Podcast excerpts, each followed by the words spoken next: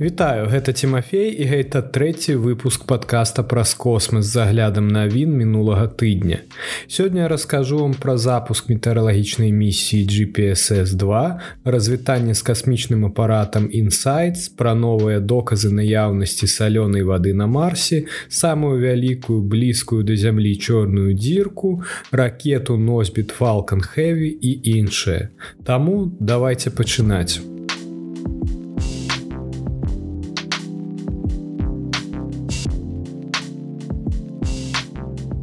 29 кастрычніка нас аб'явіла аб затрымцы запуску метэаралагічнай місіі GPSS2, пра якую я расказваў у мінулым падкасці.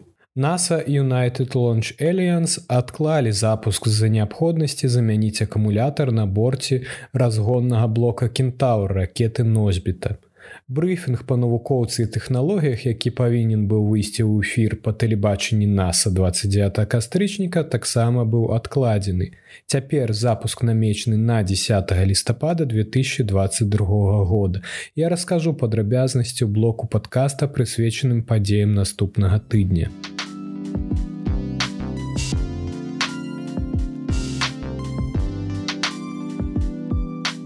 NASA рыхтуецца развітацца з касмічным апаратам Insights. Insights уяўляе сабой рабатызаваны пасадачны модуль, прызначаны для вывучэння глыбокіх нетраў планеты Марс. Касмічны апарат прызямліўся на марсе 26 лістапада 2018 года. Працягласць місіі была запланаваная на 709 солаў гэта 728 зямных дзён а насамрэч місія доўжыцца ўжо 1400 солаў это тры гады 11 месяцаў і 8 дзён Набліжаецца дзень, калі пасадачны модуль NASA Марс Insight замоўкне, завяршыўшы сваю гістарычную місію па раскрыцці сакрэтаў нетраў чырвонай планеты. Вытворчасць электраэнергіі касмічным апаратам працягвае змяншацца па меры таго, як пыл на яго сонечных панелях згушчаецца. Таму каманда распачала крокі, каб працягваць працу як мага даўжэй з пакінутай магутнасцю. Чакаецца, што канец наступіць у найбліжэйшыя некалькі тыдняў.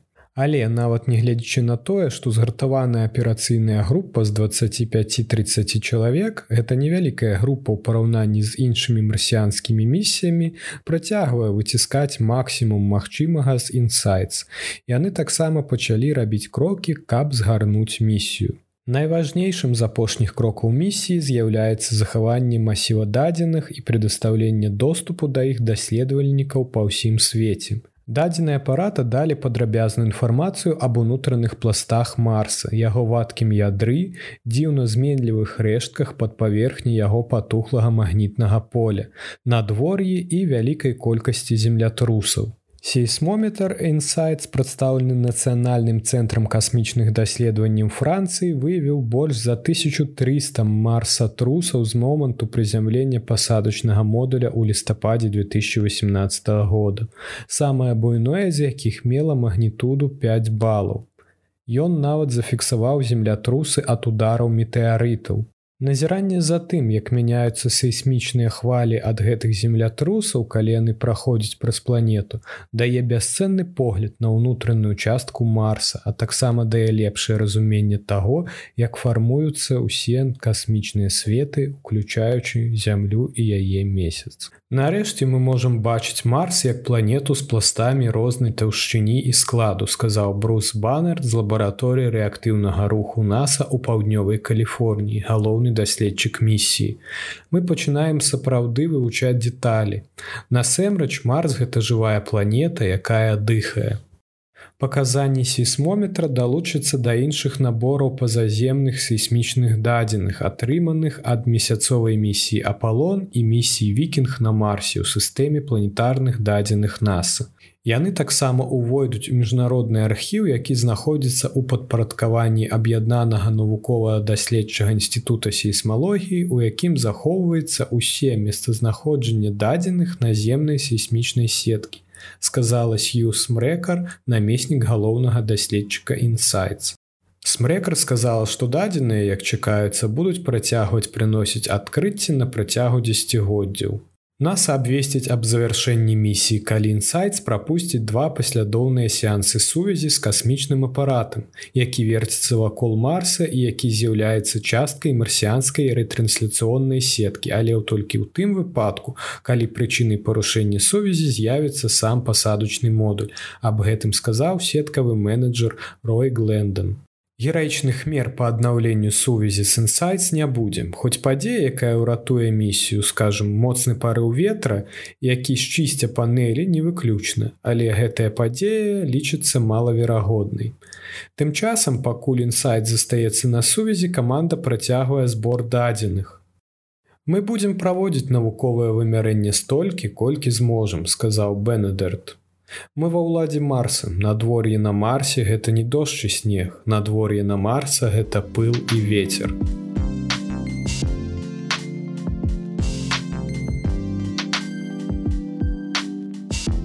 Антэны лофар выявілі свячэнне вакол вялікай колькасці галактык абель 2255 Група астраномаў з Галандыі, Італіі, Геррманіі назірала свячэнне радыавыпраменьвання вакол вялікай колькасці тысяч галактык.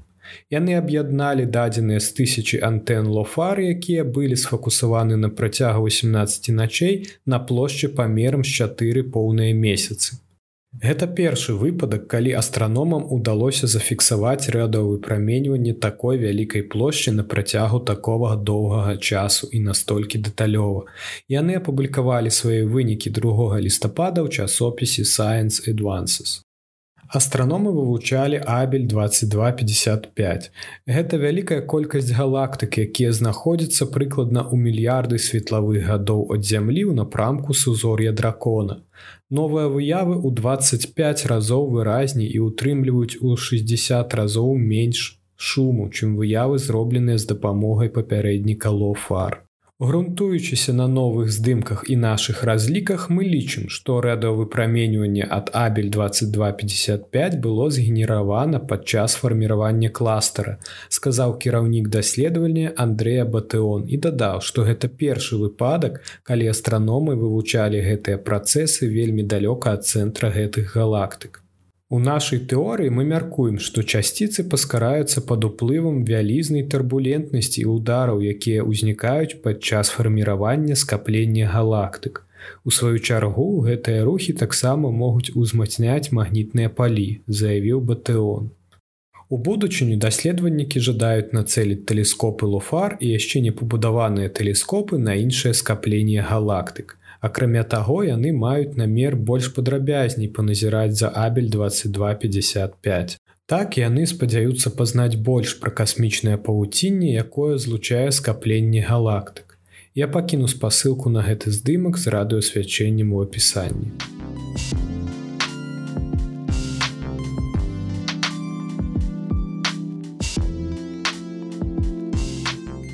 Прадстаўлены новыя доказы наяўнасці салёнай вады на марсе. Марс вядомы як камяністая планета, але з'яўляецца ўсё больш доказаў, што ў аснове палярных адкладаў марса існуе салёная вада. Навукоўцы прыйшлі да гэтай высновы, даследуя сігналы, адлюстраваныя ад унутраных структур Марса, якія былі ўпершыню выяўлены ў дадзеных, атрыманых у перыяд з 2010 по 2019 год з дапамогай радыёлакацыйнага рэхалота Марсіс на борце Марс-экспрэс. Італьянская каманда выказала меркаванне, што яны паказваюць на салёныя азёры і апублікавала сваё даследаванне ў Science у 2018 годзе і ў Nature Astronomy ў 2021 годзе. Нядаўна новае супрацоўніцтва паміж італьянскай камандай амерыканскімі даследавальнікамі падало новыя доказы, якія пацвярджаюць гэтую інтэрпрэтацыю. Прафесор Капрэлі сказала, што новыя лабараторныя эксперыменты і мадэляванне выключылі альтэрнатыўныя інтэрпрэтацыі. Мы даследавалі такія пытанні, як магчымасць таго, што моцныя радыёлакацыйныя сігналы могуць стварацца іншымі тыпамі матэрыялу, такімі як гліна або саляны лёд, або канструктыўнымі перашкодамі, сказала яна. У апошніх працах разглядаецца даўняе пытанне, звязанае з тэмпературамі ў асновах паўднёвай палярнай шапкі. Да гэтага часу яны лічыліся занадта нізкімі нават для таго, каб саляныя воды заставаліся вадкамі. Прафесор распрацавала цеплавыя мадэлі і разлічыла дыяпазон тэмператур у паўднёвай палярнай шапкі марса пад паўднёва-палярнымі слаістымі адкладамі.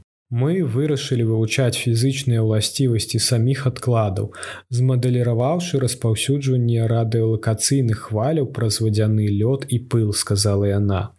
Нашы даследаванні паказваюць, што тэмпература ў аснаванні, разлічаная даследчыкамі, была моцна заніжаная і замест гэтага яна можа дасягнуць мінус 73 градусаў па цельсію, сказала прафесор Капрарэллі. Новыя лабараторныя эксперыменты, праведзеныя ў лабараторыях універсітэты Рома Трэа Італія і паўднёва-заходняга даследчага інстытута ў ЗША дадаткова дэманструюць, што фізычныя ўласцівасці саляных вод пры гэтых перагледжаных тэмпературах цалкам адпавядаюць сіле радыалакацыйных сігналаў, атрыманых з марсіянскіх паўднёва-палярных адкладаў.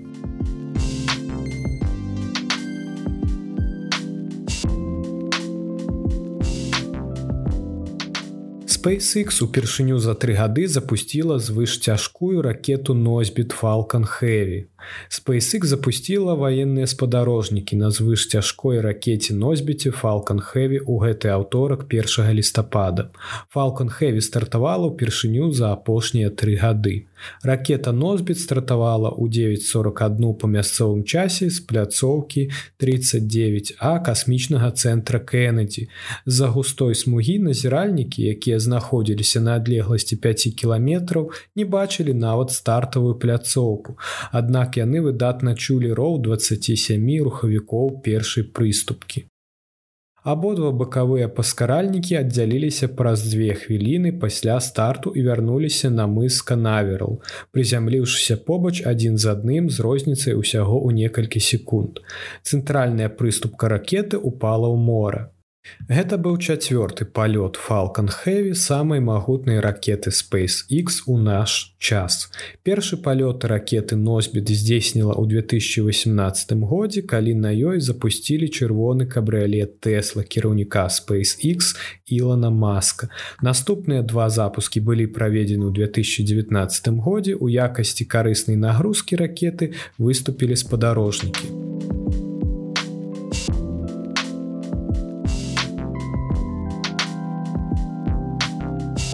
І аб новых рэкордах. Адкрыта самая блізкая чорная дзірка да зямлі. Кніга рэкордаў чорных дзірак была толькі што перапісана. Паводле новага даследавання чорная дзірка прыкладна ў 10 разоў масіўней нашага сонца знаходзіцца ўсяго ў 1560 светлавых гадоў ад зямлі. Это прыкладна ў два разы больш, чым у папярэдняга чэмпіёна па блізкасці. Нядаўна выяўлены аб'ект чорная дзірка зорнай масай под назвай Гая BH1 знаходзіцца ў падвойнай сістэме, іншым членам якой з'яўляецца сонцападобная зорка. Гэта зорка знаходзіцца прыкладна гэтак жа далёка ад сваёй чорнай дзіркі, як зямля ад сонца, што робіць Гая BH1 сапраўды асаблівай. Хоць было шмат заяў аб выяўленні падобных сістэм, амаль усе гэтыя адкрыцці былі пасля аправергнутыя. Кажа вядучы аўтар даследавання Карым Эль Бадры з гарвард-смітскага цэнтра астрафізікі ў Масачусцы і астранамічнага інстытута Макса Планка ў Геррманіі. Это першае адназначнае выяўленне санцападобнай зоркі на шырокай арбіце вакол чорнай дзіркі зорнай масай у нашай галактыцы. Астраномы лічаць, што ў нашай галактыцы млечны шлях знаходзіцца каля 100 мільёнаў чорных дзірак зорнай масы, якія паглынаюць святло аб'ектаў, масы якіх у 5-100 разоў перавышае масу сонца. Аднак з-за іх невялікага памеру гэтыя целы адносна цяжка выявіць, асабліва ў тэлескоп. Дэтэктары гравітацыйных хваляў у апошні час дабіліся большага поспеху, выявіўшы сведчанні зліцця гэтых аб'ектаў. Пылы газ гэтых аб'ектаў выпраменьваюць рэнтгенаўскае выпраменьванне, высокаэнергічнае святло, якое могуць назіраць некаторыя магутныя тэлескопы. Даследаваннікі выкарыстоўвалі альтэрнатыўны метад вывучэння ў новым даследаванні. Яны вывучалі дадзеныя сабраныя касмічным караблём гая еўрапейскага касмічнага агенства, які дакладна адлюстроўвае палажэнне, хуткасць і траекторыі каля двух мільёнаў зорак млечнага шляху. І адна з гэтых зорак з'яўляецца кампаньёнам Гая BH1. У яго руху бачныя малюсенькія няроўнасці, прыкмета таго, што нешта масіўнае і нябачнае прыцягвае яго пад дзеяннем гравітацыі. Вымярэнне гая паказалі, што гэтым фактарам можа быць чорная дзірка. Але навукоўцам трэба было больш дадзеных, каб ведаць напэўна. Таму яны вывучылі зорку з дапамогай шэрагу наземных інструментаў, у тым ліку з дапамогай тэлескопа на гаваях і ўчылі. Гэтыя наступныя назіранні ў спалучэнні з дадзенымі гая дазволілі камандзе дэталёва вывучыць сістэму. Яны вызначылі, што нябачны аб'ект мае масу 10 сонцаў і робіць абарот вакол цэнтра мас сістэмы прыкладна раз у 186 зямных дзён і гэта павінна быць чорная дзірка. Нашы назіранні пацвердзіліся. Гэта падвойная сістэма змяшчае нармальную зорку і прынамсі адну спячую чорную дзірку, сказаў Эльбадры. Мы не змаглі знайсці праўдападобнага астрафізычнага сцэнарыя, які мог бы растлумачыць назіраную арбіту сістэмы, у якой не было б хаця б адной чорнай дзіркі. Калі б небачны аб'ект у гая BH1 быў, напрыклад, зоркай, ён быў бы нашмат ярчэй свайго кампаньёна і таму яго было б лягчэй убачыць. Але ніводнае з назіранняў каманда не выявіла намёку на другую зорку ў сістэме. Гэта даследаванне было апублікавана 4 лістапада.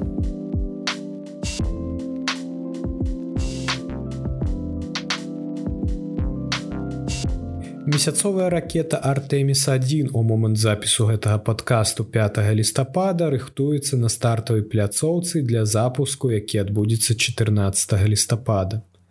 Масіўная месяцовая місія NASAа вярнулася на стартавую пляцоўку перад адлётам з зямлі.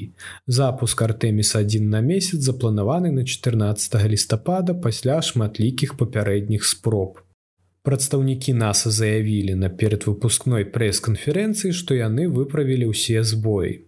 Артеміс 1 гэта першая місія ў рамках праграмы наса артеміс у рамках якой до конца 2020 гадоў плануецца на пастаяннай і устойлівай аснове адпраўляць людзей на месяц.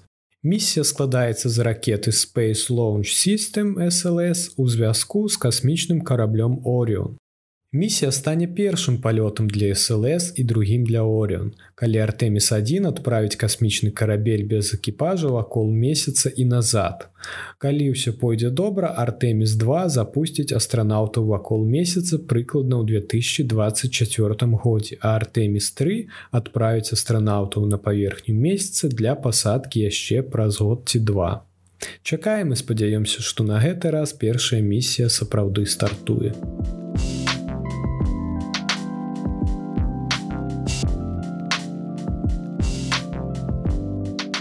Іншая навіна звязаная з гэтай місіяй гэта тое, што NASAа канструюе ўсюды ход Moon Rover Services. Па меры таго, як астранаўты даследуюць раён паўднёвага полюсу месяца падчас місіі Артеміс, яны змогуць пайсці далей і праводзіць больш навуковых даследаванняў, чым калі-небудзь раней. І ўсё гэта дзякуючы новаму месяцоваму ўсюды ходу пад назвай Луна Train Vehicle або скарочана LTV. Замест таго, каб самім распрацоўваць усюды ход, NASAа плануе заключыць кантракт з кімсьці з гэтай галіны. Паколькі місіі Артеміс будуць накіраваныя на раён паўднёвага полюса месяца, новы LTV павінен быць у стане вытрымліваць і працаваць у халодных і унікальных умовах асвятлення. Таксама чакаецца, што Артеміс LTV зможа пераадольваць сотні міль у год, забяспечваючы доступ да розных месцаў, што будзе садзейнічаць навуковым адкрыццям, разведцы рэсурсаў і даследаванню. Ён таксама будзе здольны працаваць выдаленна і будзе даступны для іншых камерцыйных мэт, калі NASAа не будзе праводзіць даследаванне і аперацыі.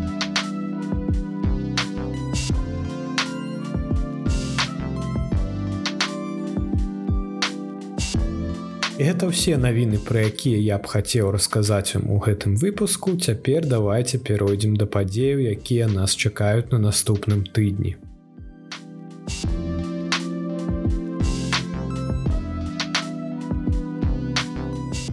8 лістапада адбудзецца поўнае месячнае зацьменне. Я казаў пра гэта ў мінулым выпуску просто коротко нагадаю.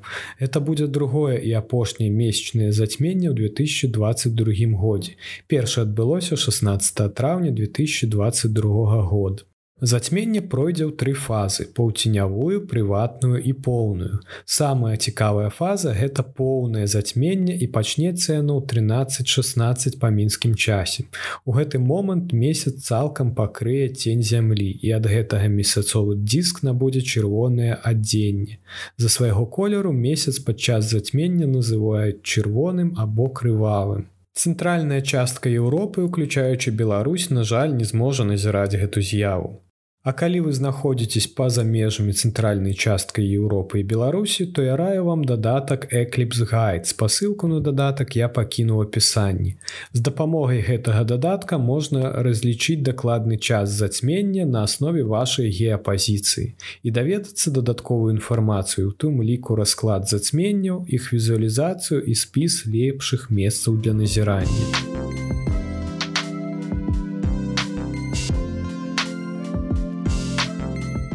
Запуск місіі аб'яднанай палярнай спадарожнікавай сістэмы GPSS2 намечаны на 10 лістапада 2022 года на гадзіну 25 раніцы па ціхаакеанскім стандартным часе, альбо на 12:35 у абед па мінскім часе.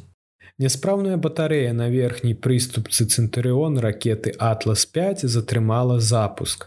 Тэхнічныя спецыялісты ўжо замянілі і паўторна пратэставалі батарэю. Аб'яднаная палярная спадарожнікавая сістэма гэта апошняе пакаленне палярна-арбітальных экалагічных спадарожнікаў.